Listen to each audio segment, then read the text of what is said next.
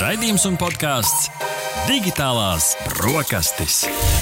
Tava ikdienas tehnoloģiju ziņu deva kopā ar Arti un Rihardu. Labrīt, klausītāji! Jūs klausāties digitālās brokastis, un jā, šis nav atkārtojums. Mēs esam atpakaļ ar svaigiem spēkiem jaunā, nosacīta jaunā digitālo brokastu sezonā. Un kā jau ierasts, Rikārd, runāsim par tehnoloģijām, par aktualitātēm, par gadgetiem, par zinātnes sasniegumiem, par sociālo tīklu uzplaiksnījumiem un vienkārši amizantām lietām digitālajā pasaulē. Digitālās brokastis, tava ikdienas tehnoloģiju ziņu deva. Un kā jau ierasts, Ierasts piekdienas rītos ar jums kopā ir neviens cits kā digitālo brokastu šefpavārs Artis. Un ar mani kopā ir cilvēks, kurš beidzot ir aizgājis īstā atvaļinājumā. Neviens cits kā tehnoloģija gurmāns Rihards. Labrīt, klausītāji! Latvijas Rādio 1 un Radio Naba tiešraidē. Sveicieni arī visiem tiem, kuri klausās vai skatās raidījumu ierakstā. Un digitālās brokastis, kad vien vēlaties, varat baudīt populārākajās podkāstu platformās, Latvijas Rādio arhīvā, LSM.CLV, Naba LV, kā arī Latvijas Rādio YouTube kontā.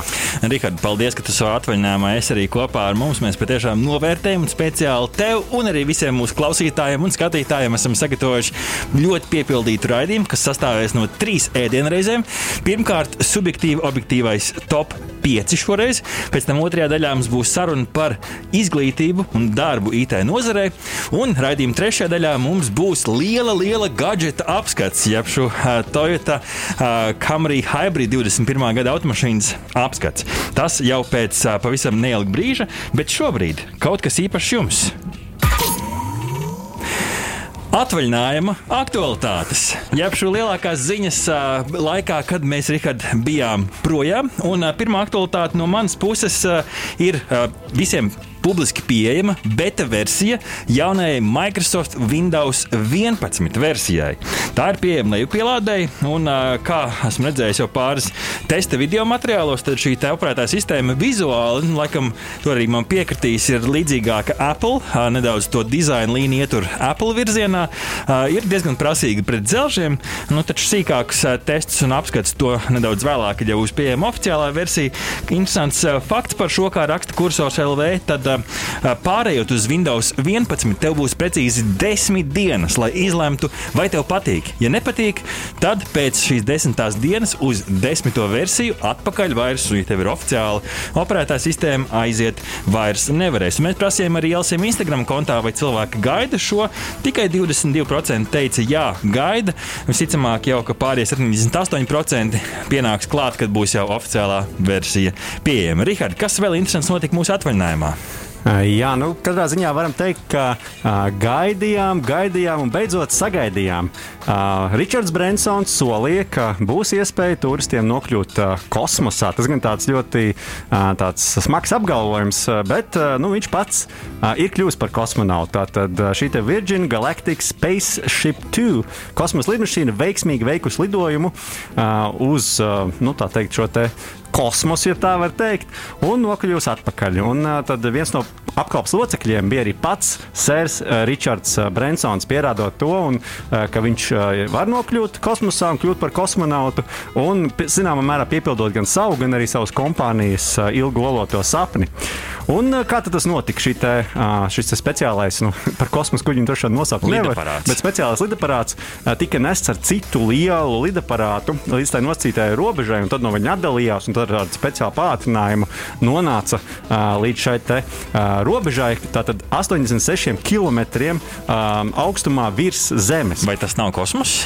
Nu, lūk, un te ir tā interesantā lieta, ka atbilstoši Startautiskās aeronautikas federācijai uh, ir tā sauktā uh, Kārmāna līnija. Tā tad uh, 100 km ah, nu tā ir tā līnija, ko mēs parasti redzam. jā, nu, jā, tur esot tā, tā līnija starp uh, to Zemes atmosfēru nu, un tad attiecīgi to nosīto kosmosu. Uh, bet Amerikā, kā vienmēr, viss ir citādi, un tur šī robeža ir 50 jūdzes no Zemes, jeb 80 km augstumā. Un tad tas, kurš tiek tālāk par to, tiek oficiāli saukts par kosmonautu. Tātad atbilstoši Amerikas likumiem un tikumiem Sērs Ričards Brensons un viss tā viņa komanda, kas bija šajā lidaparātā,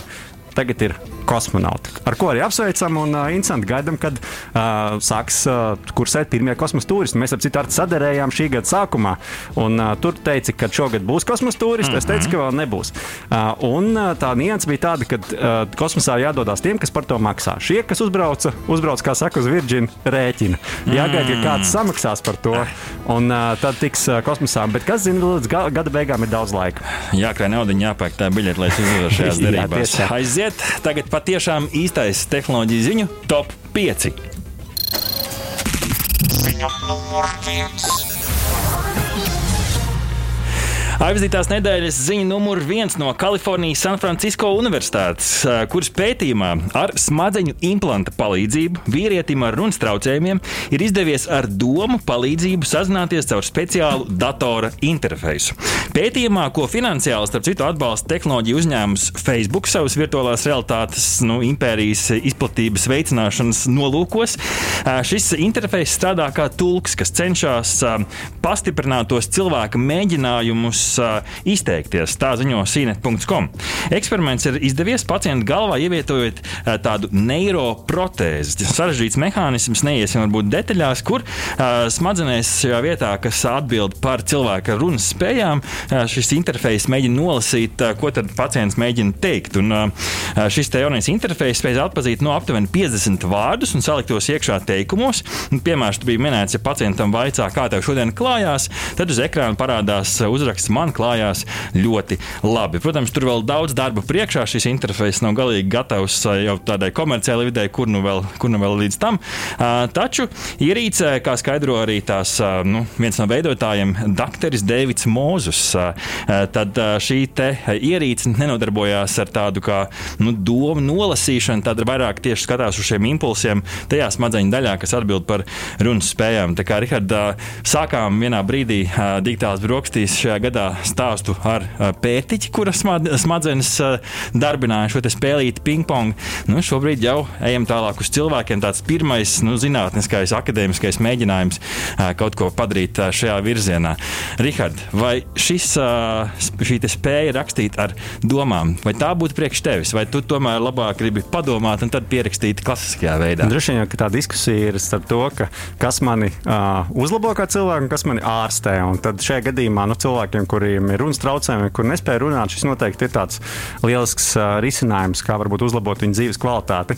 Savukārt tam cilvēkam parastiem, kur it kā jau viss ir dots, tad tā ir tāda viņa uzlabošana. Tad droši vien tur sabiedrībai jāvienojas, vai ir pieņemami, ka es sevi, kā saka, nebeidzami uzlaboju ar dažādiem tehnoloģiskiem risinājumiem. Tā kā nu, varbūt mēs kļūsim lēnām par tādiem kibercilvēkiem, ja tā var teikt, bet nu, tā ir nākotne.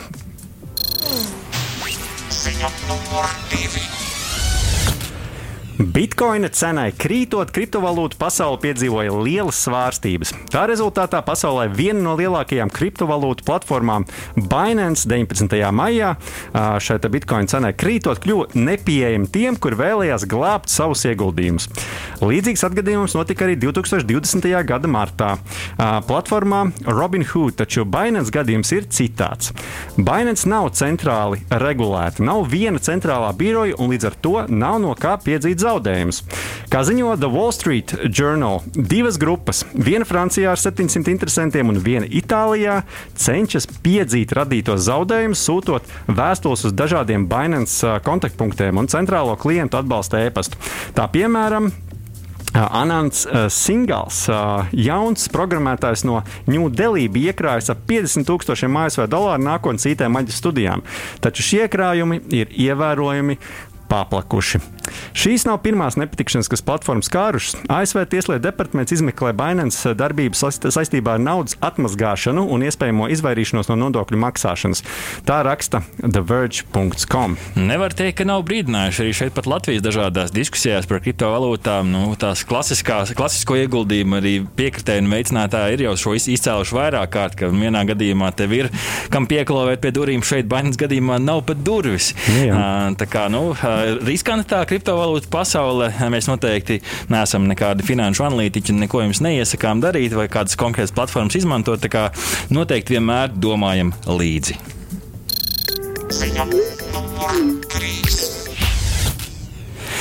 Šobrīd ziņā numur 3 - vairāk jaunumu sociālo tīklu pasaulē. Kā ziņo TheVerge.com, tad YouTube cenšoties noķert īso video platformu tīklu TikTok. Ir vairāk kā simts pasaules valstīs, starp citu arī Latvijā ir pieejams jaunais YouTube Shorts, šo īso video funkciju, kas ir atrodama mobilajā lietotnē. Tā lielā mērā imitē TikTok darbību pat ar dažādiem video veidošanas algoritmiem, un pie tam YouTube Shorts ir pieejama YouTube Music mūzikas datubāze video veidošanai. Twitter platformā savukārt tā ir atvadījusies no tās gaistošajiem ierakstiem, jeb flīts. Nesen, nu, 9 mēneši, aptuveni 8, 9 mēneši atpakaļ, YouTube, š, Twitter šie flīts ieraksti parādījās kā tādi Instagram stories imitācija. Šobrīd viņi paši atzinuši lielās nepopularitātes dēļ cilvēki maz izmantoja, šī funkcija ir pazudusi. Taču visbeidzot, Clubhouse platformā tās lietotāji ir, iespēja, ir guvuši iespēju beidzot sarakstīties savā starpā. Gan sarunistabas ietvaros, gan savā starpā, gan arī atsevišķās istabās. Līdz ar to vairāk nav jāmeklē alternatīvas platformas, kur ir kāda saite, kāda vairāk informācija minēta. Šo jau šobrīd var uh, sūtīt. Pagaidām vēl nevar sūtīt attēlus un video, bet tas pavisam drīz būs.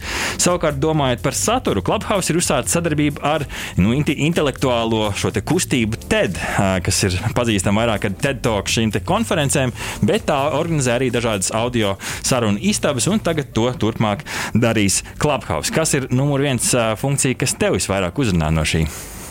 Es domāju, ka, es domāju, ka man interesanti liekas, ka flīts ir pazuduši. Es reiz, man liekas, vēl pavisam nesen vakar vai aizvakar skatījos vienu flīts, kur bija atgādinājums un uzlikts, ka nu, nenokavē šo flīts, un es arī uzspiedu. Varbūt tas bija viens no beidzamajiem, kas bija pieejams Latvijā. Kas to zina?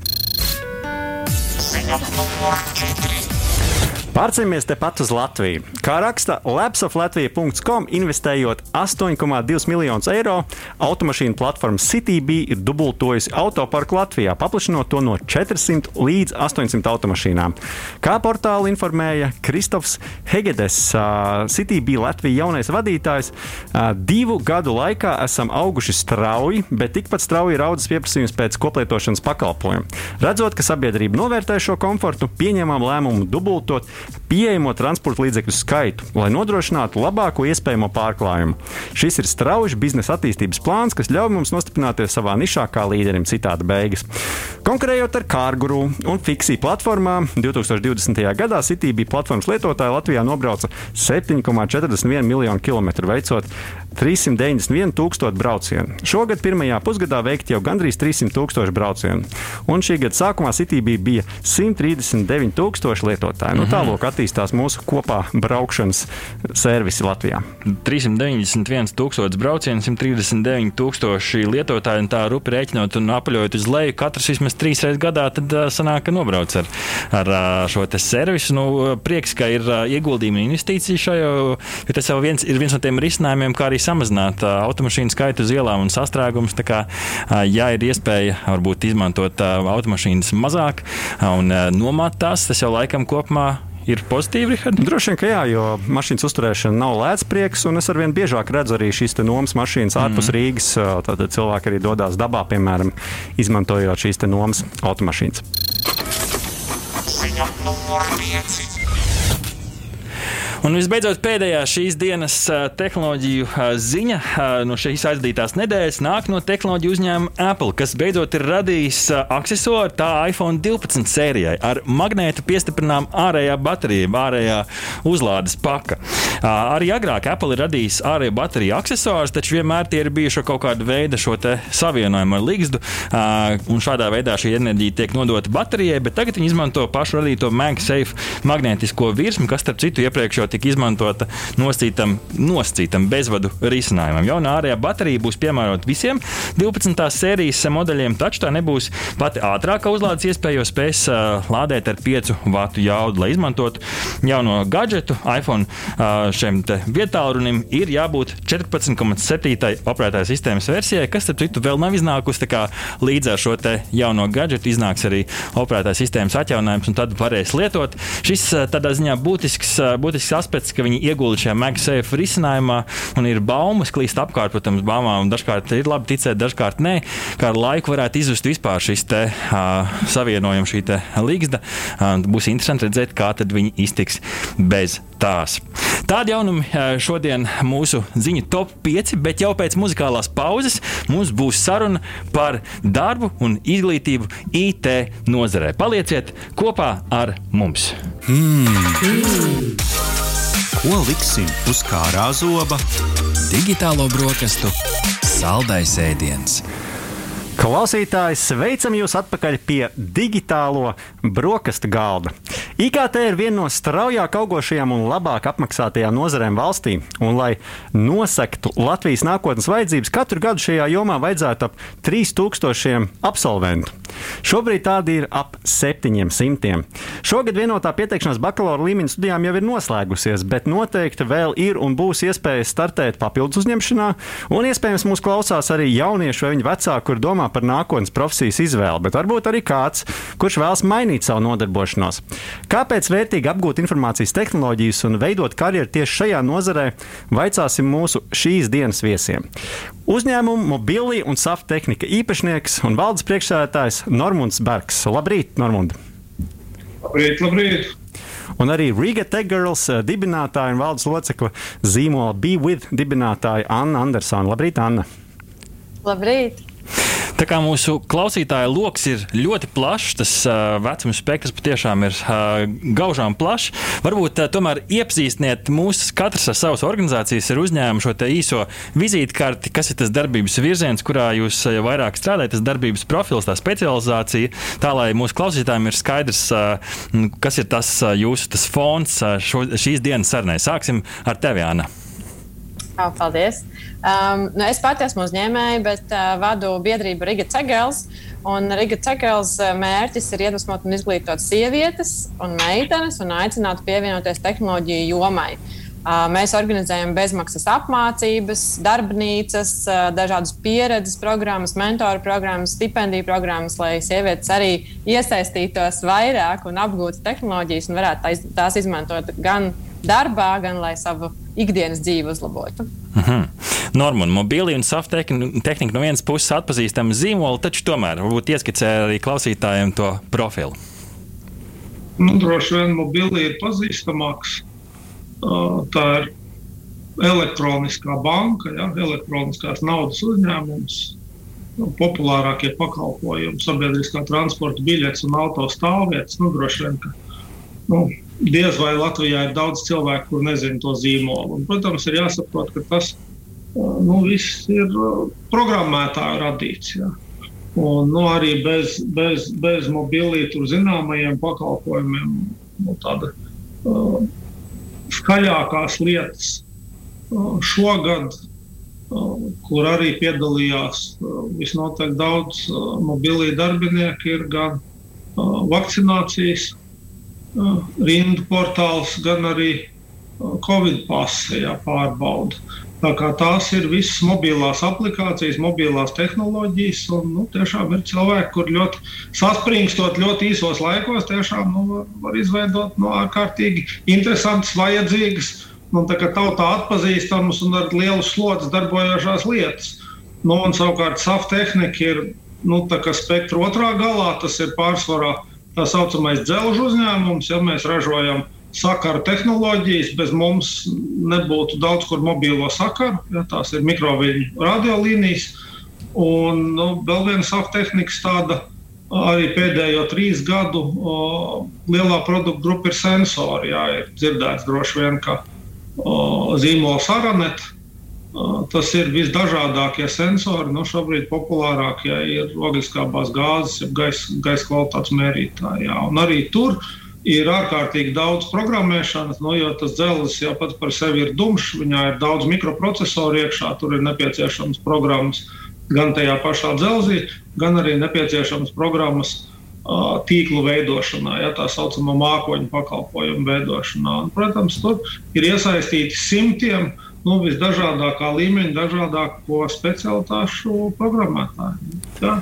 Ļoti daudz, kas šobrīd droši vien nevar nosaukt nevienu biznesu, kurš nu, varētu tā pavisam labi, pat, pat kurpniekam vislabāk, ja viņš atrodas Facebookā vai kādā citā platformā, un viņš var pārdot savus pakalpojumus, administrēt klientus, saņemt maksājumus un tā tālāk. Un tā tā dzīve ir iegrozījusies, ka šobrīd mēs esam nu, ļoti, ļoti digitāli kļuvuši.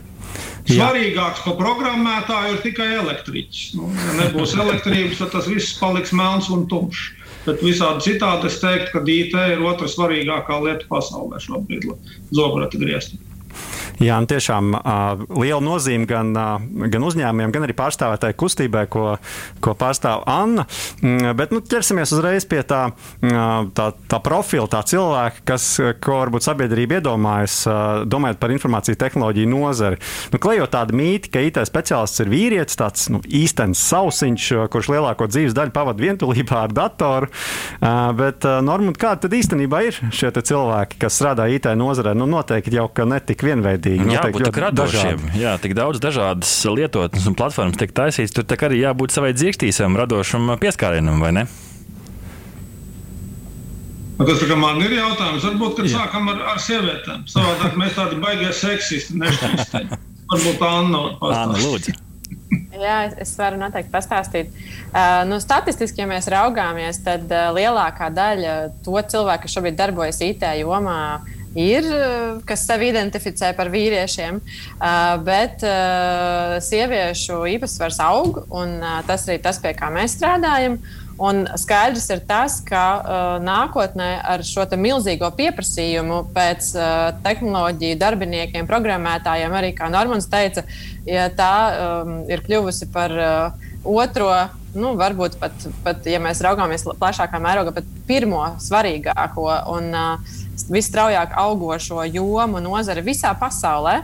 Uh, lai mēs šo pieprasījumu piepildītu, lai būtu pietiekami daudz darbinieku, mums nepietiek tikai ar to, ka uh, šo, šo darbu piesakās un šiem, šo, šos darbus uh, vēlas veikt jauni vīrieši. Mums ir vajadzīgs, lai šīs zināšanas apgūst pilnīgi visi, pat tie, kas varbūt nevēlas strādāt IT jomā, arī, kā Normans minēja, tad kurpnieks vai uh, pat, ja es kaut ko ražoju mājās un gribu to veiksmīgi tirgot uh, interneta vidē, uh, man ir jābūt šīm pamatzināšanām, kā tas viss strādā, ko es varu darīt. Un, uh, protams, uh, programmēšanas iemaņas būs vajadzīgas ik katram nākotnē. Tad tie jaunieši, kas šobrīd mācās, kas domā par savu nākotni, um, pat ja viņi nebūs programmētāji ikdienā, izprast programmēšanas pamatus vajadzēs ikvienam no viņiem. Un šeit arī jā, tas mūsu lielais darbs. Un sabiedrības arī attieksme ir vajadzīga par to, ka gan meitenēm, gan sievietēm šīs zināšanas ir jāapgūst. Un pilnīgi visos vecumos uh, nav nekāds šķērslis. Mums, piemēram, apmācību programmās mācās 50, plus, 60 plus arī vecumā sievietes apgūst šīs zināšanas, un pēc tam tās var izmantot. Tātad, uh, tas piemērots ir ikvienam. Šobrīd statistika, ka tie ir jauni vīrieši vairāk. Bet noteikti, ka iespēja pievienoties ir daudz, daudz plašāka. Mm -hmm. Tad šis profils patiesībā ir diezgan, diezgan krāsains un plašs. Nu, jā, un jāpiekrīt, ka tas vīriešu un sieviešu tas, nu, proporcija, tas ir jā, kāzus, ar ko strādā gan augstskolas, gan, gan uzņēmumi. Kur mēs Annu, šobrīd esam uz tādas Eiropas kartes līdzsvaru ziņā, mēs esam nostīti labā, labā situācijā šobrīd jau ar to, to līdzsvaru un profesionāļiem nozarē. Nosacīti mēs esam salīdzinot ar e vidēju Eiropu, mēs esam labākā situācijā. Tāpat kā mēs statistiski arī teiksim, vadītāju pozīcijās esam labākā situācijā. Teiksim, tas Latvijā sievietes noteikti ir proaktīvākas vidēji un vairāk iesaistās gan IT jomā, gan vadības jomās. Uh, bet tomēr tas pārsvars ir liels. Tātad mēs esam salīdzinoši iespējams priekšā daudzām Eiropas valstīm, uh, bet mums vēl ir ļoti daudz kur augt. Jā, nu esam iepazinuši varbūt to profilu, kāds izskatās IT jomas darbinieks vai darbiniece, bet nu, tagad par to darba vidi. Nu, filmās un, un arī mēs dažādos video par, par lieliem informāciju tehnoloģiju uzņēmumiem redzam, redzam ļoti mūsdienīgi ar dažādām atpūtas un izklaides iespējām aprīkotus birojus. Kāda darba vide sagaida Latvijas informāciju tehnoloģiju jomas speciālistu? Norman, kāda ir darba vide uh, SAF tehnikā un, un mobilī? Es domāju, ka ļoti ērta, komfortabla un atbilstoši tam darbam, ko cilvēki dara. Bet atkal šeit ir jāsaprot, ka tie darbiņi, nu, varbūt var ar vienu tādu mazu atkāpi. Ziniet, kas ir šobrīd karstākais IT darba devējs Latvijā? nu, kurš ir tāds, kurš nu, ārprātīgas algas programmētājiem sola un tur brauc kā tanks cauri tur, citiem uzņēmumiem, nolasa speciālistus. Uzminiet! Kurš ir smalkākais, krūtākais IT uzņēmums Latvijā? Mēs, mēs laikam, Rihards Zīmols nevaram Viņš, saukt, tāpēc jūs taču teikšu... vadiet, tur, tur rādio, jūs visu ziniet. es, te, es teikšu vakcinācijas birojas, bet tas laikam nebūs īstais. Varbūt, ka tie, kas skatās azartspēles spēle internetā. Jā, nē, tas ir, tas ir, tas ir old school. Seksīgākā lieta šobrīd ir vēlna kreklu drukātāja, printful. Nu, liekas, pilnīgi bezcerīgs bizness, tēkreklu drukāšana, kura šobrīd ir pirmais, faktiski vienīgais Latvijas jaunu uzņēmums, kurš ir saņēmis nu, miljārdu dolāru uh, vērtējumu, saņēmis 200 miljonus dolāru investīcijās un šobrīd faktiski turpina pastiprināt un būvē savu IT komandu. Ja? Un, ja kāds prasītu desmit gadus atpakaļ, man domāju, nav bezcerīgāks bizness, ja, kā drukāt bildes uz tēkrakla. Bet tajā brīdī, kad visā tajā konstrukcijā nāk IT, un tu pēkšņi saproti, ka tu vari noservisēt visu pasauli, ja, tas bizness kardināli mainās. Tāpat kā šobrīd Lietuvas viens no lielākajiem darba devējiem un, un arī pirmais jaunu uzņēmums, kurš ir sasniedzis miljardu dolāru vērtību, ir uh, vintage vai kā nu viņam tas vārdiņš ir, kurš nodarbojas ar vecu lupatu pārdošanu. Ja? Nu, atkal tas pats stāsts. Ja nu, antikvariāts kaut kas tāds, ja lietotu drēbju antikvariāts globālā līmenī un ir Un, un tas viss ir tikai un vienīgi IT. Nu, šeit, šeit ir jāsaprot lieliski, ka nosaukt nu, kaut kādus klasiskus tehnoloģiju uzņēmumus ir diezgan nepareizi. Nu, no šī viedokļa, teiksim, nosaukt un ņemt SAP tehniku vai mobili par kaut kādu paraugu. Nē, ir jauki. Mēs, protams, arī augam un mēs esam spēcīgi un mums ir ļoti gudri cilvēki. Bet tas, kas ir jāsaprot, kas ir kardināli mainījies, ka pilnīgi un absolūti jebkurā biznesā tas IT ir. Ja? Un tas nav paredzami. Un, un tas ir forši, ka tas nav paredzami. Nu, tur nevar uztaisīt nezinu, inst, nākotnes paredzēšanas institūtu, kas tur nu, uztaisīs jums desmit gadu plānu. Bet viens, kas ir skaidrs, tas IT bija, ir un būs. Un tur vajag visdažādākos cilvēkus. Vajag dizainerus, nu, kurus sievietes patiesībā, nu, tā, ja mēs skatāmies lomām, ja, ja tu runā par sistēmu analītiķiem, par cilvēkiem, kuri dziļi un pamatīgi zina matemātiku. Droši vien, ka tur tie vīrieši bija un būs pārsvarā. Ja. Nu, tā programmēšana, viņi jau var nav vienveidīga. Uh, Un, jā, es zinu, es saprotu, jā, ir, ir, ir pasaules slavens matemātiķis, un nav tā, ka, ka, ka tie cilvēki galīgi nav spējīgi. Bet nu, tomēr pa kādam gabaliņam. Ja? Nu, teiksim, sievietes tradicionāli vairāk kāda nekā vīrieši. Ja? Un, nu, tas, es domāju, ka tas ir nu, pacietībā, ja tas ir tomēr ģenētikā, ir kaut kādas lietas. Ja? Tev ir iebūvēts, ka tu spēj to bļaujošo bērnu paciest labāk nekā tas vīrietis.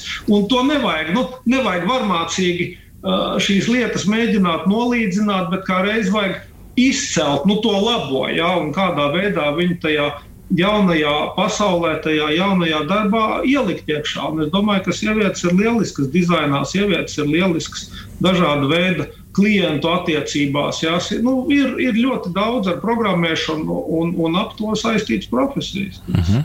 Kā, kāds ir Riga Tegarla skatījums uz šo? Jā, es, es patiesībā gribēju pieminēt vienkārši uh, arī no piemēriem. Um, piemēram, ir tāds uzņēmums, jaunu uzņēmums Nordigen, kur uh, datu analītiķis lielākā daļa sievietes. Tad tas arī datu analītika ļoti plaši izplatīta joma, kur sievietes darbojas IT jomā. Testētājas ļoti daudz sievietes ir. Um! Jā, nu, jā, tā, tā rūpība droši vien tur, tur arī varētu būt klāta. Tajā pašā laikā es, piemēram, arī mums uh, fronta un vērts uzņēmumos ir, ir puiši um, klientu apkalpošanā un klientu, nu, klientu supportā. Tas, es teiktu, ka tur um, katram ir savas stiprās puses, jebkurš to var darīt. Uh, vienkārši vēsturiski dažās jomās ir bijusi izteiktāk. Nu, inženieri noteikti vīrieši ir daudz, daudz vairāk. Uh, tas arī no vēsturiski nāk. Bet uh, jā, tās uh, lomu ir ļoti daudz. Tehnoloģiju pasaule ir ļoti, ļoti plaša. Būtībā tā ir gandrīz visa mūsu pasaule. Ja meitenēm, sievietēm patīk dzīvnieki, arī tur var tehnoloģijās strādāt un tehnoloģijas izmantot. Ja medicīnā ļoti daudz izmanto skolās, šobrīd izglītības sistēmā, tad principā jebkurā, jebkurā jomā un to lomu ļoti, ļoti daudz. Jā, nu, tad Ceļojam tālāk pie, pie, pie izglītības. Nu, skaidrs, ka, lai nonāktu līdz tā IT nozarei, ir jāiegūst kāda uh, izglītība. Un, un tā parastā taciņa, tas, kā nu, droši vien lielākā daļa no mums ir gājusi, uh, ka sākumā tā ir skola, atbilstoša izvēle, uh, ko tad mācīties vairāk. Tad mums ir tālāk izvēle par augstskolu, un tad, balstoties to, ko esam studējuši, visticamāk aizējam, aizējam tālāk uh, arī nu, profesionālajā vidē. Vai vēl joprojām tas tā ir? Informācija tehnoloģija nozarē, vai tur parādās arī kaut kādi jauni, jauni ceļi? Normund. Kādus jaunus ceļus jūs iedomājaties? Nu, piemēram, kaut kāda pārkvalifikācija. Tur cilvēks saprot, ka 32 gados tās zinātnes, ko viņš ir mācījies, jāmet pie malas un jāliek klāt tam visam informācija tehnoloģijas. Es domāju, ka šeit ir nu, ļoti svarīgi, ka ir ielikti pamati. Ja, nu, ja mēs sākam ar skolu. Nu, droši vien, kad es esmu šaurās aprindās samērā slavens ar savu teicienu, bērni mācieties fiziku un matemātiku arī. Nu, matemātika šobrīd tiešām ir, ir obligātajā sarakstā. Un, un, un kopumā tas ir lielā mērā uh, iz, nu, pateicoties tam, lielā mērā nu, tāds tā milzīgā bedra, milzīgais rops tajās IT sagatavošanās ir uh, nu, novērsta. Ja? Savukārt, inženieru pusē nu, ir tā, ka nu, jums mazliet skaitļi tekstu uzdevumam. Ja vidēji gadā sekmīgi fizika nokārto 200 bērnu, 220 bērnu. Savukārt, augstskolas gadā uzņem 3500 inženierus budžeta vietās. Un, un viņi lido ārā. Tur nu, viņi apmēram 50 līdz 70% izlido pēc pirmā kursa laukā. Nu, viņi nespēja turēt līdzi. Nu, tādēļ, ka, nu, lai jūs mācītos kaut kādas lietas, ir, nu, ja jūs ja jūs gribat lasīt grāmatu, jums ir jāmāk lasīt. Un tu nevari nonākt nākamā līmenī, ja tev nav tas iepriekšējais. Nu, tādēļ arī uh, nu, visas tās pārkvalifikācijas lietas. Nu, es vismaz tad, kad sāku runāt, nu, tagad mēs pārkvalificēsim no kaut kā uz elektronikas inženieriem. Nu, nu, tādiem žēl ir vēlme domāšana. Tā tas nenotiek, nu, jo tiem cilvēkiem nav to pamatu. Ja? Viņiem ir jāiet vispirms uz vidusskolu mācīties. Savukārt, kas ir saistīts ar IT, mm, nu, atkal tā, tā IT un programmēšana ir ļoti dažādos līmeņos. Ja? Noteikti mājaslapas taisīt var iemācīties. Tam padziļināta matemātika nav vajadzīga. Ja? Noteikti kaut ko testēt, nu, kaut kādas salīdzinoši mehāniskas darbības, bet nu, kaut kādā IT vidē arī var iemācīties darīt. Nu, ir, ir procesi, ir lietas, uh, kuras neapšaubāmi var un vajag apgūt. Un, nu, tas cilvēks aiziet pa to IT taku.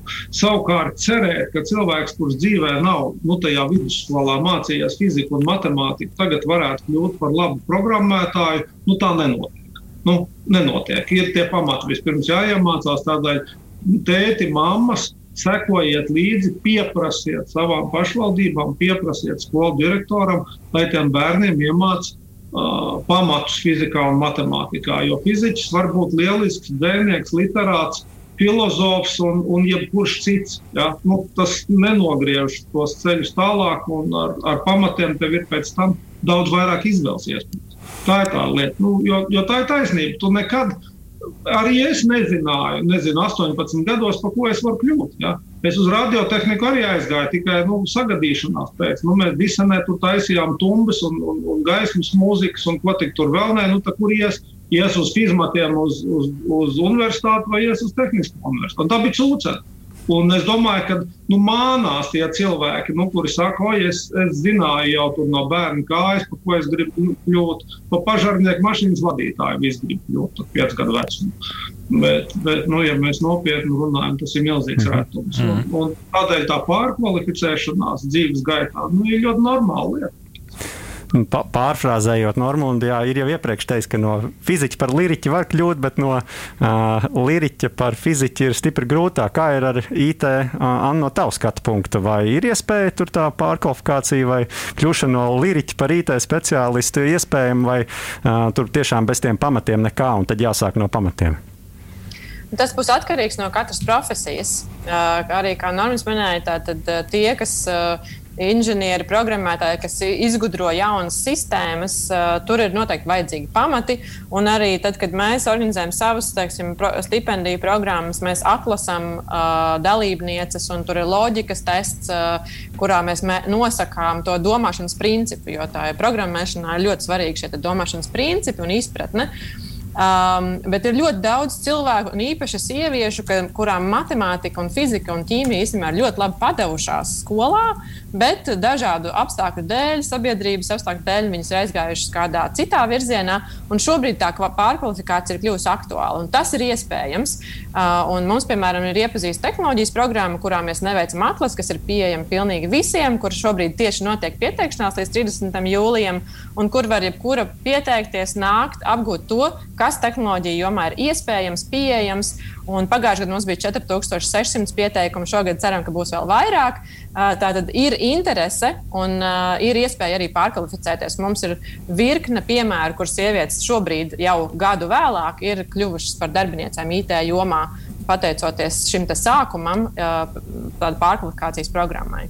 Tad varētu teikt, ka šīm IT komunām, nu, piemēram, Rīga Tegals, ir nozīme, lai veicinātu šo cilvēku atgriešanos informāciju tehnoloģiju nozarē vai pievēršanos savai tai, nu, aizraušanai, kas varbūt ir bijusi iepriekš, bet dažādu iemeslu dēļ nav īstenota. Jā, pilnīgi noteikti. Un, protams, kā, kā jūs minējāt, ir šie jaunie arī ceļi, kā apgūst lietas uzņēmumi, kuriem ir milzīgs pieprasījums pēc darbiniekiem, kuri nespēja viņus paņemt no augstskolām. Viņi organizē savas apmācības, savus bootcamps. Tie jau ir ļoti plaši izplatīti un ļoti daudz arī šajo, šajās mācībās iet, mācās un kļūst par darbiniekiem. Tā kā ir šie jaunie ceļi un arī tiešsaistē pieejama virkne startautisku uh, apmācību kursu, kurus var izmācīties un pēc tam jau sākt pamazām pielietot praksē un sākt savu darbu šajā jomā. Mm -hmm. Normāli mēs, mums ir raidījumā šai intervijai pēdējā minūte sāksies, taču tomēr IT nozara ļoti plaša. Apgūt var daudz ko, akcentus var likt dažādus. Tev kā nu, nozars vienam no līderiem un, un pārstāvjiem, arī uzņēmumu vadītājiem, kas varbūt ir tie akcenti, nu, redzot varbūt tādu tuvāku un tālāku nākotni, ko tu ieteiktu jauniešiem likt savā mācību un studiju procesā, lai iespējams nākotnē no tā gūtu kādu lielāku labumu? Vai tas ir vispār iespējams? Nu, beidziet, bērni mācieties fiziku un matemātiku. Visi, visu pārējo pielasīs pēc tam. Tad, ja tu mācēsi braukt ar veļuku, ir pilnīgi vienalga, kādu moci tev iedos. Tu mācēsi braukt ar visiem. Pēc kopumā nu, pietiekoši īsa, bet tāda intensīva kursa. Tā, tā ir tā būtiskākā lieta. Jo nosaukt šobrīd nu, simtiem dažādus novirzienus, tūkstošiem, ir bezjēdzīgi. Ja, jo tajā konkrētajā darbā, kur tu nonāksi, tev tāpatās pirmā lieta, tev vajadzēs, nezinu, pusgadu mācīties. Nu, ar, ar to, ar tām tehnoloģijām, ar tām metodēm, ar tām lietām, ar kurām tajā konkrētā uzņēmumā strādās. Un tādēļ ir šī svarīgā lieta, ka kopumā skolai vai kursiem ir jāiemācās mācīties. Jeb tad atkal pavisam konkrēti tā uzņēmuma vajadzībām, specifikām, lietām.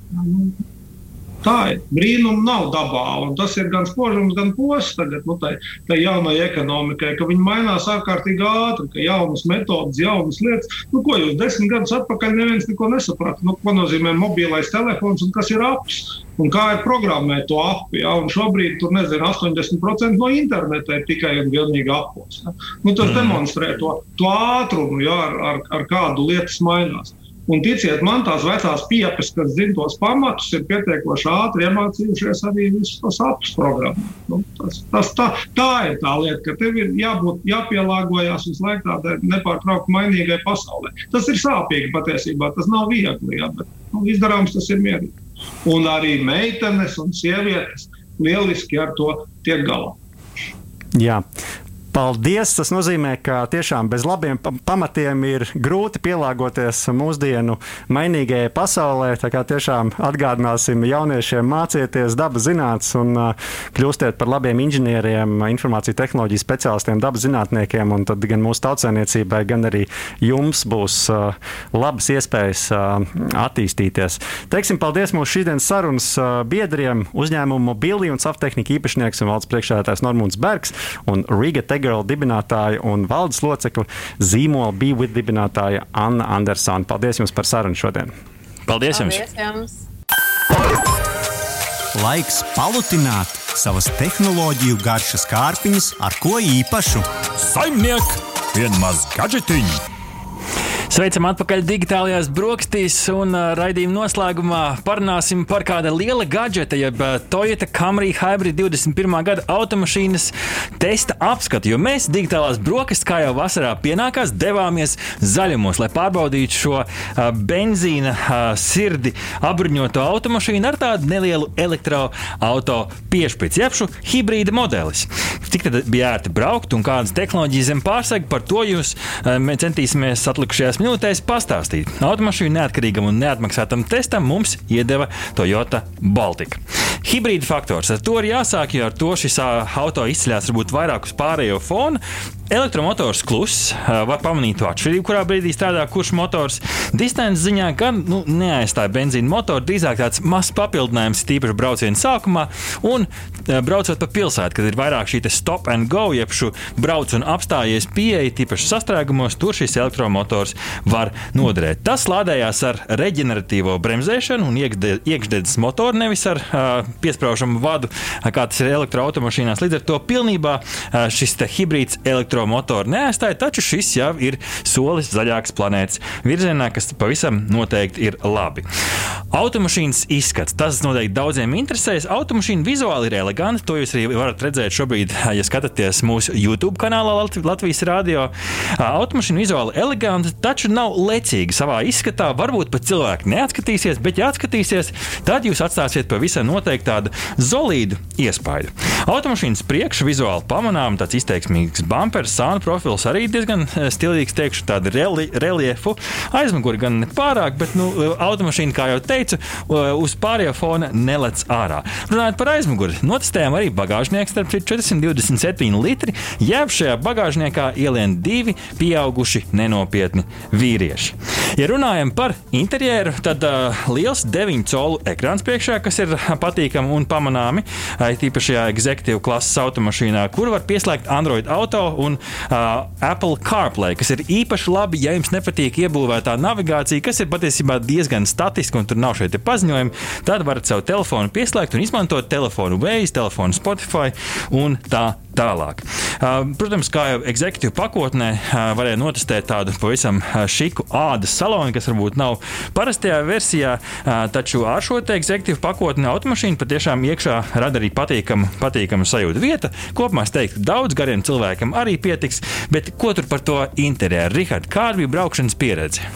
Jā, nu es domāju, ka kopumā gabarītu ziņā šī mašīna ir nu, visai standarta.